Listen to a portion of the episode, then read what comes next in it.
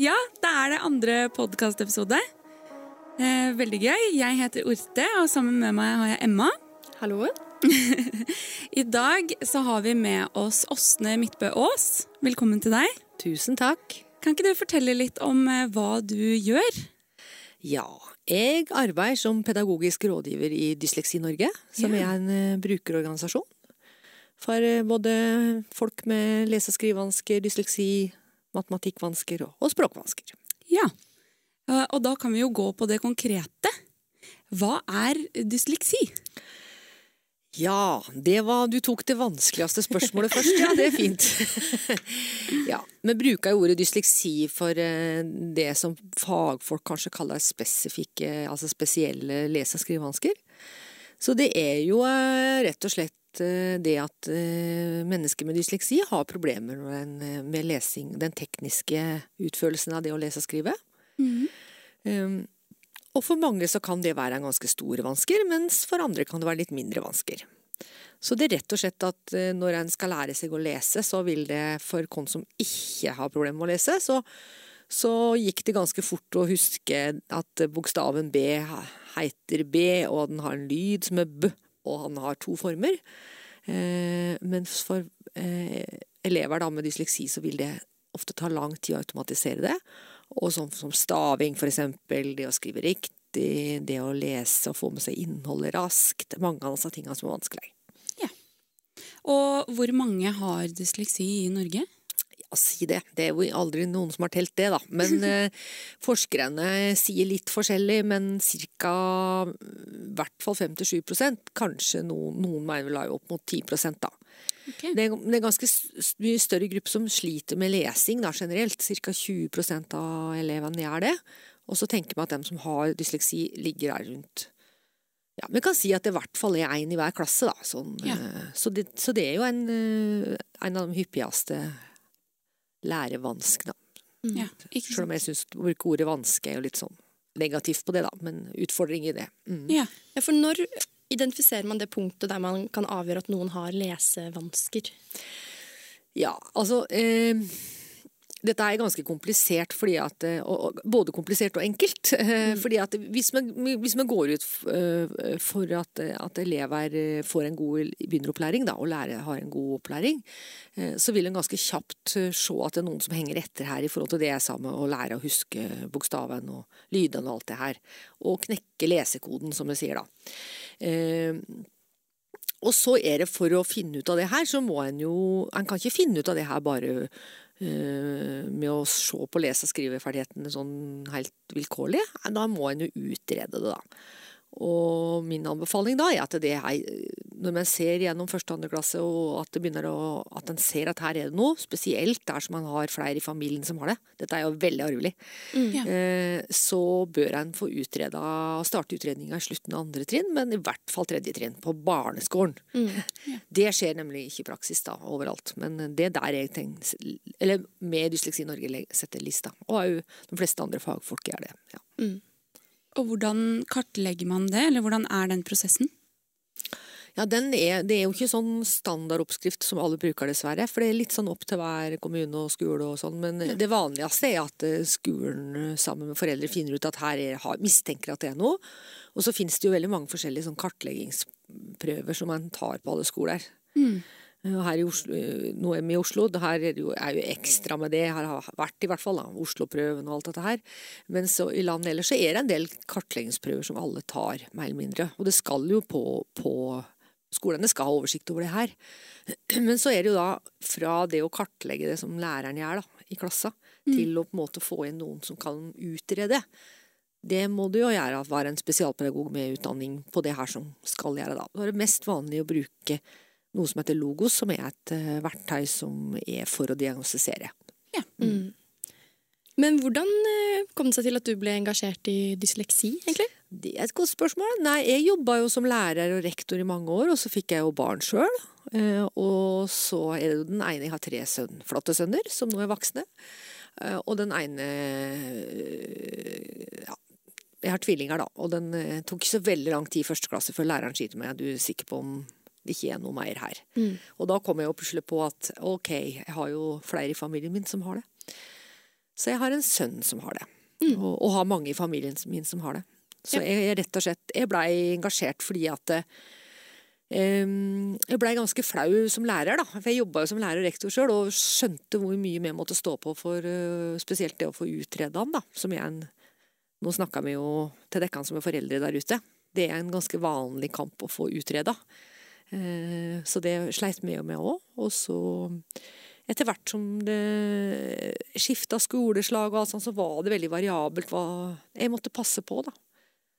Og så ble, meldte jeg meg inn i Dysleksi Norge som tillitsvalgt, og så etter hvert så begynte jeg å jobbe der. Så jeg, jeg har jobba med det her i over ti år. Mm. Mm. Men hvordan var det for deg som forelder å få den beskjeden? Eller oppdage dette? Eh, Nei, akkurat å få greie på at han hadde dysleksi, det var jo ikke noe stor bombe på en måte da, for da hadde vi jo egentlig mistenkt det når det endelig svaret kom. Og det var jo veldig godt for meg, og ikke minst for han, eh, å, å få greie på hva det var.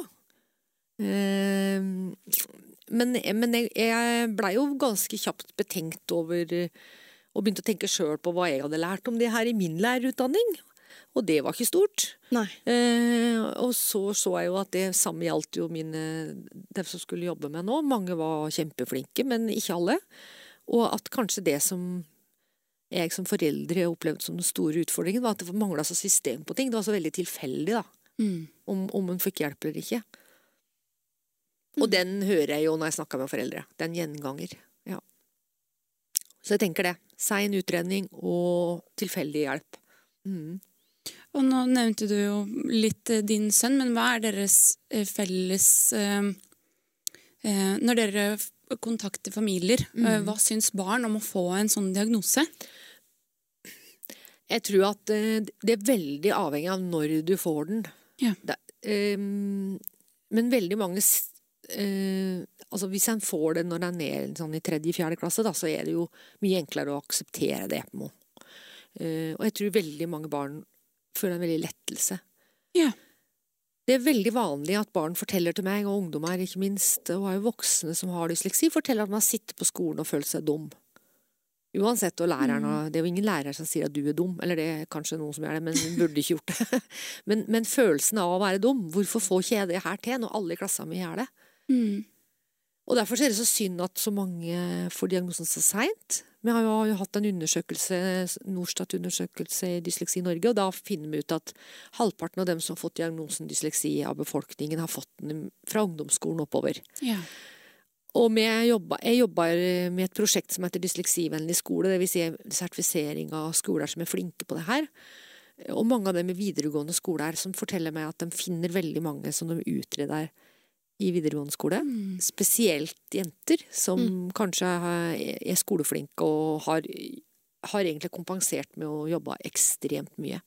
Mm. Så det her med tidsfaktoren er veldig viktig. Fordi at hvis du ikke blir oppdaga og bare skal skjerpe deg og lese mer, og sånn som ofte både vi som foreldre er, og er jo lærere sier at ja, du må bare trene mer, Mm. eh, så går det ei beite til at den kommer til så stor eh, mengde lesestoff at ikke det går lenger. Ja. Og så det er ganske mye verre å akseptere når du er en jente i niende klasse som vi ha har femmere og seksere som alle andre får greie på dysleksi, det, det er ganske mye heftigere enn en tredjeklassing.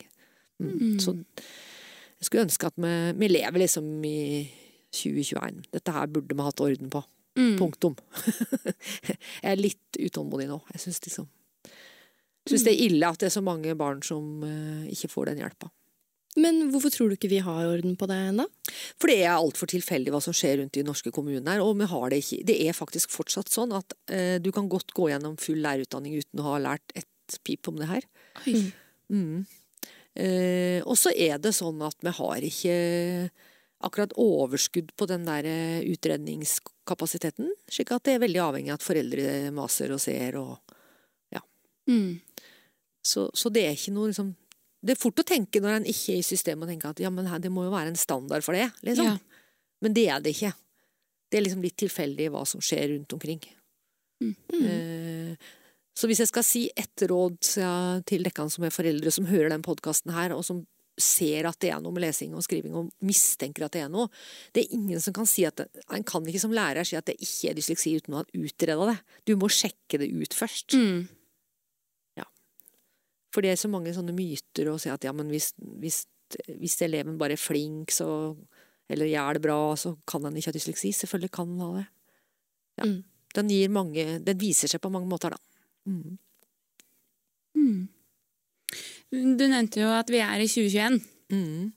Det har jo kommet mange spennende verktøy generelt i skolevesenet. Mm. Eh, hvordan eh, påvirkes de med eh, dysleksi av teknologien som er rundt? Hvis de har lærere som er gode pedagogisk på å bruke dem, og foreldre òg, så, så, så, det, så er jo det løsningen på Ja. problemet. Mm. På mange måter. Men det hjelper ikke å bare gi eh, eleven en iPad og håpe at det går bra, liksom. så da, er, da vil jeg si at det er liksom to ting som Dysleksi Norge og, eh, er veldig tydelig på at må være på plass. Liksom, som, altså, det er viktig, eller, viktig å vite det at når en har dysleksi, så har en ofte bare det vi kaller på fagspråket bare lyttekompetanse eller lesekompetanse. Det vil okay. si at hvis du har dysleksi, Mm. Eh, og så gir jeg deg et ark, og for, så vil du kanskje, og som du skal lese, så vil kanskje du slite eh, Hvis du hadde fått det samme som lydfil, da, eller, ja, som en, eller du kunne bruke en talesyntese, eller noen hadde lest opp teksten for deg, så vil du kanskje huske alt. Typisk huske alt. For dette er jo barn som husker veldig godt. Ja. Hvis du forteller, eller du setter en YouTube-snutt, eller du leser høyt for eleven. Mm. Eh, For det er ikke, eh, dyslektikere har, altså, har ikke problemer med å lære. Det er ikke en lærevanske. Mm. Men det er problemer problem med å lære når en skal lese på papir. Ja. Så jeg har jo introdusert det her at jeg snakker om å lese med ørene. Mm. Og da er det klart at på alle tekniske duppeditter i dag så har du en eller annen form for talesyntese, da. Mm. Så det er den ene. Og så er det selvfølgelig eh, gode verktøy for det å rette opp skrivefeil og støtte skriveprosessen, da. Det er de Ja. to tinga som en på en måte i hvert fall må ha. Men jeg tenker at den eh, Det er jo det som er bra med den koronatida, da. Ja. At nå har jo stort sett alle lærere måttet forholde seg til den at det finnes strøm i Norge. For det har tatt sin tid. Eh, Ja, jeg tulla litt, da, men eh, det er altfor mange av disse barna som blir sittende og lese for vanskelig tekst i årevis, og bruker veldig mye tid på å lese. Og I leksesituasjonen så er den helt sånn typisk, ikke sant. At det, det har sikkert ikke han opplevd òg, når du skal hjelpe til. Og det ser sikkert ganske mange forskjellige lekseplaner når det skal hjelpe e- elever. Og det kan som er foreldre òg, når du sitter hjemme, ikke sant, og så, så, så du, kan du lese tre sider i boka og svare på spørsmål. Så kan det ta tre timer for en dyslektiker. Ja. Men noe så enkelt som bare lære det barnet at ok, nå, den, den teksten skal vi ha inn på PC-en eller nettbrettet, og så skal vi Helst så er jo vi har en digital bok, masse lærebøker i dag som er digitale og som er veldig gode, med innlest uh, lyd og alt det her. Mm. Ok, da kan du lytte gjennom den teksten i stedet for å lese. Uh, For det er ikke den settingen der du skal drive lesetrening. Nei. Det skal man drive med når man har ei bok og trener lesing. Mm. Ja. Så som foreldre jeg sier, eh, les høyt for dem, eller lær dem helst eh, Du kan jo ikke ha med mamma seg i eller en leksehjelp i sekken resten av livet, så lær Ja, for den saks skyld, bare bruke en smarttelefon, bruke en app som er Office Lens eller et eller annet, ta bilde, les opp. Mm. Lytt på øret. Så det å lære dyslektikere å lese med ørene, kjempeviktig. Og bli selvstendig på det, ikke sant. Mm. Mm. ja. Men det er jo, den tilretteleggingen her har man vel rett på når Ja. man har dysleksi. Ja. Men hvordan går man fram for å få den? Eh, dysleksidiagnosen Ja, eller tilretteleggingen i skolen. Altså, til, altså alle elever har rett på tilrettelegging uavhengig av om man får diagnose eller ikke. Den henger faktisk ikke på diagnosen. Mm. Det er noen verktøy som kan henge på diagnosen, men ikke selve retten til tilpassa opplæring er Den er kjempeklar Ja. i loven. Eh, Så jeg vil jo tenke at hvis jeg skulle tilbake igjen som lærer i dag, så ville jeg jo Og flinke lærere som er, som jeg som er det jeg kaller dysleksivennlige, eh, bruker jo disse verktøyene. De, de, vil jo være sammen med flerspråklige elever, det kan være elever med ADHD, mange elever som har ny- nytte av lyd. Det kan være elever som elsker å trene og som har dårlig tid, som bare trenger å ha lydfiler på øret i stedet for å lese. Liksom, vi, må, vi må introdusere disse her Vi lever i en digital verden, da, Mm. og, og det må vi ha inn i skolen på en fornuftig måte. Ja. Og så må vi vite hva vi driver med, liksom. Når driver vi med lesetrening, og nå driver vi med rett og slett å lære oss fag. Mm. Det kan ikke skje samtidig. Nei, det kan jo skje, men, men det, er ikke, det, det er mange lærere som tenker at elever med dysleksi blir ikke noe bedre til å lese når de bare får lytte. Og det er feil. Det er forska på. At det som eh, Det er mye viktigere at eleven får med seg faginnholdet. Og Altså får du jo hull i alle fag, da. Ikke Ja. sant? Skal du lære lese et kapittel om reven, så eh, kan, skal selvfølgelig dyslektikeren lære like mye om reven som alle andre. Mm. Men hva er den gamle måten å gjøre det på? Jo, det å gi mindre stoff, eller mengdedifferensiere. Altså. Mm. Lage mindre av det. Det er ikke sånn at eh, elever med dysleksi skal lære om bare halve reven, liksom. De skal lære om hele reven. Eh, og da må, det, da må kanskje det skje på en eh, ja, det, Når en jobber med barn, så ser en kanskje hvordan lærer du best. Det er jo egentlig ganske fort å snu, da, tenker jeg. Hvordan lærer du best? Mm. Men hvis du ser at eleven, at barnet ditt etter å ha lest og gjort ting og trena og begynner å liksom si at vegringa mot lesing og det at det er jo tungt å lese, så, jeg, så, er det, så må en jo gjøre to ting samtidig, som, samtidig som en finner ut hvorfor er det så vanskelig å lese. Det kan være dysleksi, det kan være syn, det kan være hva som helst, men det her må vi vite om, om før vi på en måte setter inn for mange store tiltak, da. Mm. Og litt f- Altså, eh, som utenforstående så har man hørt veldig mye forskjellig om eh, dysleksi. Ja. Eh, noen ting tror jeg er myter. Men dette med synet Ja. og dysleksi, Ja. har det en sammenheng? Eh, nei, altså, dysleksi har, er ikke en synsvanske. Nei. Dysleksi er en fonologisk vanske. Det er, hvis du tenker at inni hjernen så er det et lesenettverk. Det er signaler som går i hjernen fra øya sant, og inn i hjernen og prosesserer, heter det på fint. da. Så skal du få gjøre om de tegna du ser, om til meningsfylt tekst. Ja. Så for meg og deg som ikke har dysleksi, så går den prosessen automatisert. Ja. Du bruker, jeg bruker veldig lite krefter på det. Mm. Men for et barn med dysleksi så bruker, går det lesenettverket litt seinere. Ja. Det har ingenting med syn å gjøre. Men det er visst noe forskning som tilsier at det, det, kan, altså det er viktig å sjekke synet fordi at en kan ha begge deler. Altså det, det, kan virke som i hvert fall noe norsk forskning som er gjort eh, på universitetet i USN, eh, opp mot Kongsberg, som har den optikerutdanninga. Der er det Gro Horgen Vikesdal har forska på det og, og funnet ut at, at den, det ser ut som det, er dem som har dysleksi, ser er det liksom litt mer andre synsvansker enn normalbefolkningen. Og da er det jo viktig at en, for en dyslektiker å ha lav terskel på øyne og briller hvis en trenger det. For, Mm. å, for å kompensere der, da. Mm. Eh, men det er ikke en synsvanske, men det er klart at syn har òg noe å si. Hvis du sliter med dårlig syn ved sida. Altså det, sånn, det er viktig å ha styr på begge deler. Mm. Mm. Og det er klart at synet er en del av den eh, det vi bruker for å, for å få de tegna inn i hjernen. Ikke sant? Så Mm. det er klart det påvirker hverandre. Mm. Mm. Eh, vi har snakket litt om dysleksi, men det er også noe som heter dyskalkuli. Ja. Hva er det? Ja, nå er det sånn at det ordet dyskalkuli, det vil eh, det, det skaper litt forvirring om dagen, fordi at eh, Hvis du går til disse fagfolka på området, da, så vil Mm. mange av dem si at vi, de, vi vil ikke bruke ordet dyskalkuli, vi bruker spesifikke matematikkvansker. Ok. Ja. Og det har noe med noen diagnosekriterier og dill og dall. Men det er jo samme. Det samme er på en måte det samme Du kan si at det, med dysleksi så er det en spes spesifikk lesevanske, og med dyskalkuli så er det en spesifikk matematikkvanske. Mm. Er ikke det mitt spesialistområde, men det handler rett og slett om at en eh, fungerer, alt fungerer på alle andre områder, i skoleflink på alle mulige måter, og, ofte, og så, men så er det liksom dønn skjærings på matta. Ja. Og det starter tidlig. Så det er en spesifikk matematikkvanske som går bare på eh, Rett og slett ofte går på mengdeforståelse, altså forståelse av hele tatt hva matematikk er.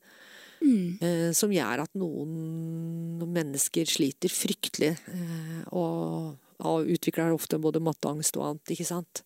Mm. Dette er jo ny norsk forskning på at vi kan finne alt i barnehagen. På noe så enkelt som telling ikke sant? og mengdeforståelse. Si da at du, du legger tre epler der og åtte epler der, så liksom at du, at du For de fleste av oss som ikke har mattevansker, så ser de med en gang at der er det flere enn og der er det færre. Ja. Det vil være vanskelig faktisk for, eh, for noen. Noen vil ha faktisk problemer med mengder helt ned til fem. Og det, da er det ganske heftig. Mm. Så, så det, er, det er Og det er noe norsk skole er enda dårligere på enn ja. dysleksi. Det har det sikkert merka. Mm. Eh, Altfor lite forskning på det. Og utredningspraksis er helt katastrofal. Ja. Det sier jeg, da. Sikkert noen som er uenig i det, men det er Og der igjen, når vi undersøkte det her med utredning, så fant vi ut at eh, det av våre tre vanskeområder, så var det det vanskeområdet som var vanskeligst å få utreda. Mm. Der var nesten alle ungdomsskole- og videregående-elever. Og vi ser en stor kjønnsforskjell der òg. At jenter ofte får eh, eh, At det er vanskelig Altså er det jo jente som skal ha den diagnosen, eller har den, har den utfordringen, så er det Mm. enda vanskeligere å få diagnose. Så det er faktisk, Og det gjelder da på dysleksi. Det er en kjønnsforskjell her i utredningspraksis. Ikke i og hvor mange som har det, men Mm. vi finner ofte ikke jentene for seint. Og hva kommer det av? Jeg tror det er disse mytene og hva folk tror og sånn. Og, og i forhold til utredning på matematikkvansker, så er det rett og slett at eh, det er ikke nok folk som er flinke nok, kan nok om det. Altså, det er litt sånn uklart hvem som skal gjøre det, og utrede, og, Ja. og for, rett og slett for lite kompetanse. Mm. Mm. Det gjelder hele området. Ja, men denne kjønnsforskjellen Jeg tror det er veldig liksom, jeg vet ikke om kanskje noen tenker at ja, men jenter ikke er så flinke i matte. Ikke veit jeg, altså. Mm. Men jeg tror jenter tåler, generelt sett, når en, eh, at kanskje jenter tåler bedre Ja. å ikke få til i en periode der. Og blir kanskje Altså, jeg tror disse gutt, urolige gutta, dem som klatrer oppi Altså, som Dem finner alltids læreren, ikke sant? Ja. Mm. Jeg tror det er så enkle ting som det, rett og slett. Men dette begrepet dyskalkuli og eh, fenomenet Mm, spesifikke mattevansker hadde ikke jeg hørt om før langt ut Nei. i videregående. Nei. Og ikke visste jeg at man kunne få noe hjelp for det òg, for jeg føler matte er litt sånn, det skal du bare få til. Ja. På et eller annet tidspunkt så må du bare jobbe hardere, og Ja. så skal du klare det. Og det er jo det som på en måte er mm, ofte det svaret foreldre og barn får, da. Mm. Og så er det jo sånn at hvis en virkelig har, har en spesifikk matematikkvanske, så, så, så vil en jo ha problemer Det er ganske uvanlig da, å finne dem igjen i videregående skole og ha problemer med fire regningsartene, altså. Ja. Ikke sant? Problemer, altså, det, den forst, altså det er på forståelsesbiten at eh, det er helt gresk, rett og slett, på en måte. Altså det, Mm. og så har du masse følgevansker på disse tingene her, da, som, ganske, som kan være ganske viktig for foreldre å vite. Det, det, for eksempel retningssansproblematikk. Det gjelder også med dysleksi, og det gjelder også med språkvansker. Alle de vanskene med det Ja. å ta høyre-venstre, klokka. Ja. Eh, Tidsproblematikk i forhold til dyskalkuli, som du spurte om nå sist, eller spesifikk matematikkvansker, er jo kjempevanlig. Mm. Aner ikke hvis du sier du skulle, 'jeg skulle komme her til klokka tolv', liksom. Mm. Så hvis du hadde sagt kan du komme 11.50 altså det, er helt gre det kunne gått fort enn med dyskalkuli å komme da 12.50 istedenfor 11.50. Ja. ikke sant? Ja. Eller 10.50 for sikkerhets skyld. Sånn at det, det skaper jo masse bal i hverdagen. Så det er retning, det er klokka eh, Så det er en del sånne tilleggsting, rett og slett. Ja, fordi eh, som Emma sa, eh, jeg visste heller ikke at eh, dette med mattevansker var en ting. Eh, at det var noe utenom det vanlige. Nei. Og jeg, jeg har aldri blitt utredet for det, men Nei. jeg er ganske sikker på at jeg har det. da. Ja. For meg er det så å si helt umulig å taste inn et KID-nummer, f.eks. Ja. Alle tallene bare bytter plass, så jeg må krysse ut ett og ett tall fordi det er for mange sammenlagt. Da. Og det samme er um, hvis jeg er på en flyplass. Uh, jeg blir så stresset Ja, av situasjonen, for jeg skjønner ikke hva som er hvor lenger. Eh, og jeg visste ikke at det hadde noe sammenheng med matematikken i det hele tatt. Altså, jeg har tatt en, en grad i programmering. Mm. Det går greit, for det er veldig atskilt mellom ordene man bruker Ja, ja. Og tallene. Det er Ja. ganske få tall. Ja. Så den forståelsen er jo der. Eh, mengde, ikke noe problem. Men bare en sånn smule. Ja, mm. Så er det jo forskjellige grader imellom her, og Ja. sånn. Men, men det er klart at eh, det er jo noen som kan mye om disse tinga her, og det er jo mange som har fått en aha-opplevelse. Jeg har jo snak, hørt om folk, Jeg snakka med ei dame på min alder som hadde fått, uh, fått den diagnosen når hun tok sin master, fordi hun skulle måtte ha statistikk. Ja. Og det gikk jo rett til skogs. og den, eh, og hun, det her var i spesialpedagogikk, så en av professorene hun hadde, var jo i en, en som virkelig kan dette her med matematikkvansker, da, så han hadde bare sagt ja, men du, hallo, du har jo Vi må jo utrede deg, for du har jo helt tydelig spesifikk matematikkvansker, altså dyskalkuli, da. Mm. Men du nevnte dette med at det er ulike grader. Det gjelder vel dysleksi også. Mm. Er det mulig å forebygge dysleksi? Kan vi gjøre noe for å redusere graden? Ja, altså, du kan si at dette er jo noe som sånn genetisk medfødt, vil jeg si. Mm. Eh, men jeg vil jo si at eh, du kan, eh, du kan forebygge hvor stort det skal bli. Mm. og da er jo dette her med godt jobbing med språk, språklige aktiviteter når ungene er små, bli le lese høyt for dem, altså jobbe mye med språklig bevissthet, kaller vi det da, liksom. Mm. Eh, At, vi er jo veldig opptatt av at barnehagen er god på det her i forhold til å jobbe med språk, da. Mm. Så det er jo veldig viktig. Og så vil jeg bare si at hvis det kan jeg i familien har eh, mange av disse vanskene sånn arvelig sett altså Det er jo 35-50% sjanse for at barn har dysleksi, hvis en av foreldrene har det. Ja. Så da må det bare stå på å få utreda, liksom. Hvis den både har en arvelig faktor og, og, en, og det slurrer, så vil jeg ha Ja. det, det er jo ikke farlig å utrede én ung for mye. Det er jo ikke Nei. noe vondt, det. Det er, liksom, det er ikke noe sånn Det stikker ikke, liksom. Så Mm. det, det er litt vanskelig for den som skal Nei, det er litt jobb for den som skal utrede, men det er jo ikke noe Jeg, jeg, jeg syns vi er altfor har altfor høy terskel for å ta og finne ut av om det er det eller ikke. Mm. Mm. Så det er fordeler ved å starte tidlig. Ja, det er det eneste som øh, hjelper. Ja. Mm. Kjempeviktig hva som skjer på skolen de to første åra, Mm. og barnehagen. Ikke sant. Mm. Men det er klart at for de minste barna så er det særlig det med å lese høyt for dem. Det å snakke om ord, begreper, tuller tulle med rim, alle sånn. Det er sånn typisk at de barna her kanskje ikke skjønner rim, da. Mm. Ikke sant? Hvis du sier, går inn i en vanlig første klasse og sier at nå skal vi rime på gris, så vil jo små gutter si fis, og små jenter si is, og dyslektikeren si hest, liksom. Så det er litt den der greia der. Altså problemet med å forstå ja, Vanlig i fem-seksårsalderen så vil barn ha veldig sånn klart bilde av hva som er bokstaven i navnet, første og siste mm. lyd i et ord, altså alt sånn leiking med språk, da. Mm. Så vil det ofte være vanskelig for en dyslektiker. Mm. Og det er jo veldig mange foreldre som er på en måte bekymret for hva som kommer til å skje med barna deres i fremtiden. Litt lenger frem i tid. Altså, jeg har et barn med dysleksi. Hvordan vil de klare seg etter skolen? Fordi man har jo eh, til en viss grad tilrettelegging på skolen. Men hvordan går det med dyslektikere på universitet, høyskole, jobb? Mm. Stort sett veldig bra, mange. Og enten veldig bra eller veldig dårlig. Nei da, det var tullete sagt. Men altså, jeg tror at hvis, hvis en får, får hjelp, og ikke får en sånn altså, Den største utfordringen vil jeg si som fagmenneske på det her, er, at er, er jo at ikke knekk sjøltilliten til den ungen. Ja. Eh, det er det viktigste. Eh, og så er det at med de dagens verktøy som man har i dag, så er det egentlig ingen grenser. Du har lov til å bruke alle verktøyene i eksamen på universitetet. Altså med en statsminister som har dysleksi er med, det, Jeg vet NTNU er jo en, et av de studiestedene i Norge som har flest dyslektikere, tror jeg, men kjempeflinke til å tilrettelegge. Du må ikke være god på staving for å, for å bli flink til et fag. Nei. Det er mye som tilsier også at mange med dysleksi har eh, veldig gode evner på andre områder. For jeg, jeg har satt akkurat og lest en bok nå på vei inn her, og dette her med styrketing, da. Hva, altså, se her, hva er barnet ditt god på? Ja. Faktisk interessant forskning på det at det ser ut som at de er flinkere til å tenke tredimensjonalt, eksempel. Mm. Ah, Kult. Spennende. Eh, ikke sant? Og det her med å Veldig mange oppfinnere er, eh, kunstnere er, eh, gründere er. Mm. Altså, hvis du går på sånn fredags-lørdagsunderholdning på TV 2 og NRK, så veit vi jo alle hvor, hvor mange her som står fram med eh, kjente, kunst, ja, kjente mennesker som sier at man har dysleksi. Ja. Mm.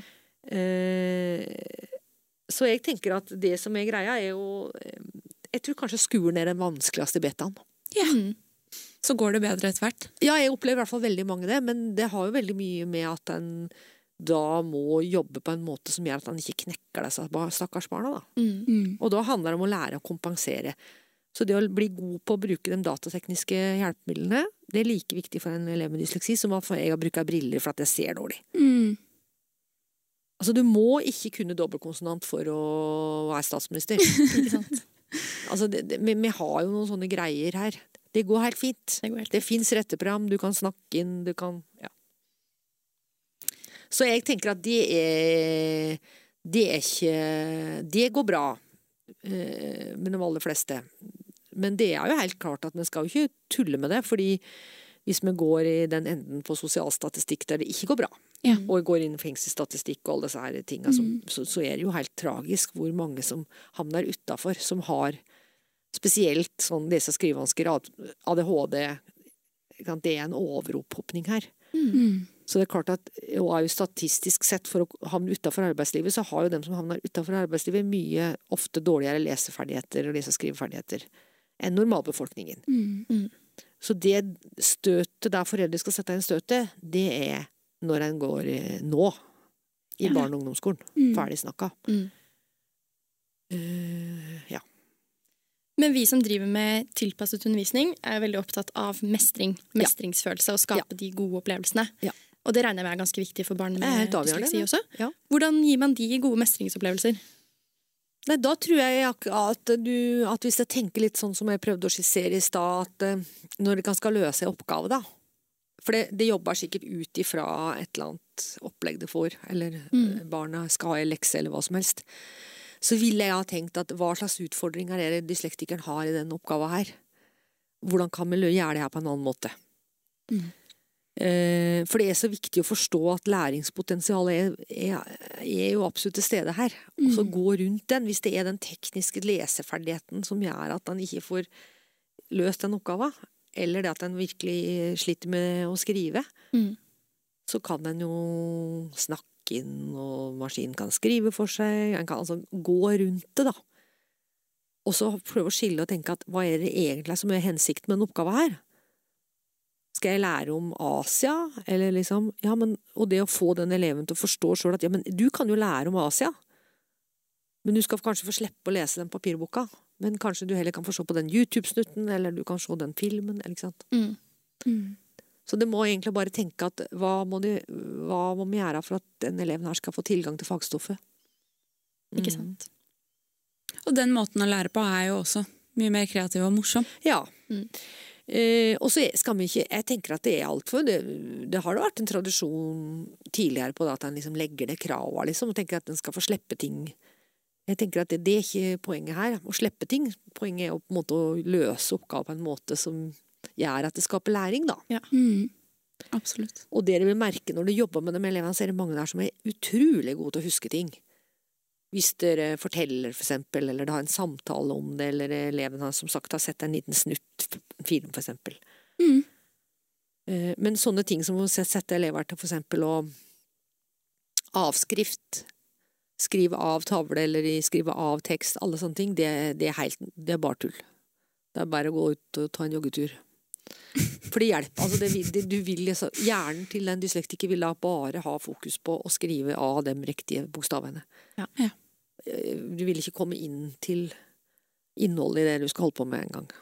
Ja, det går forbi. Ja, på en måte. Og men man må jo tenke liksom, hva skal barnet bruke energi til, da?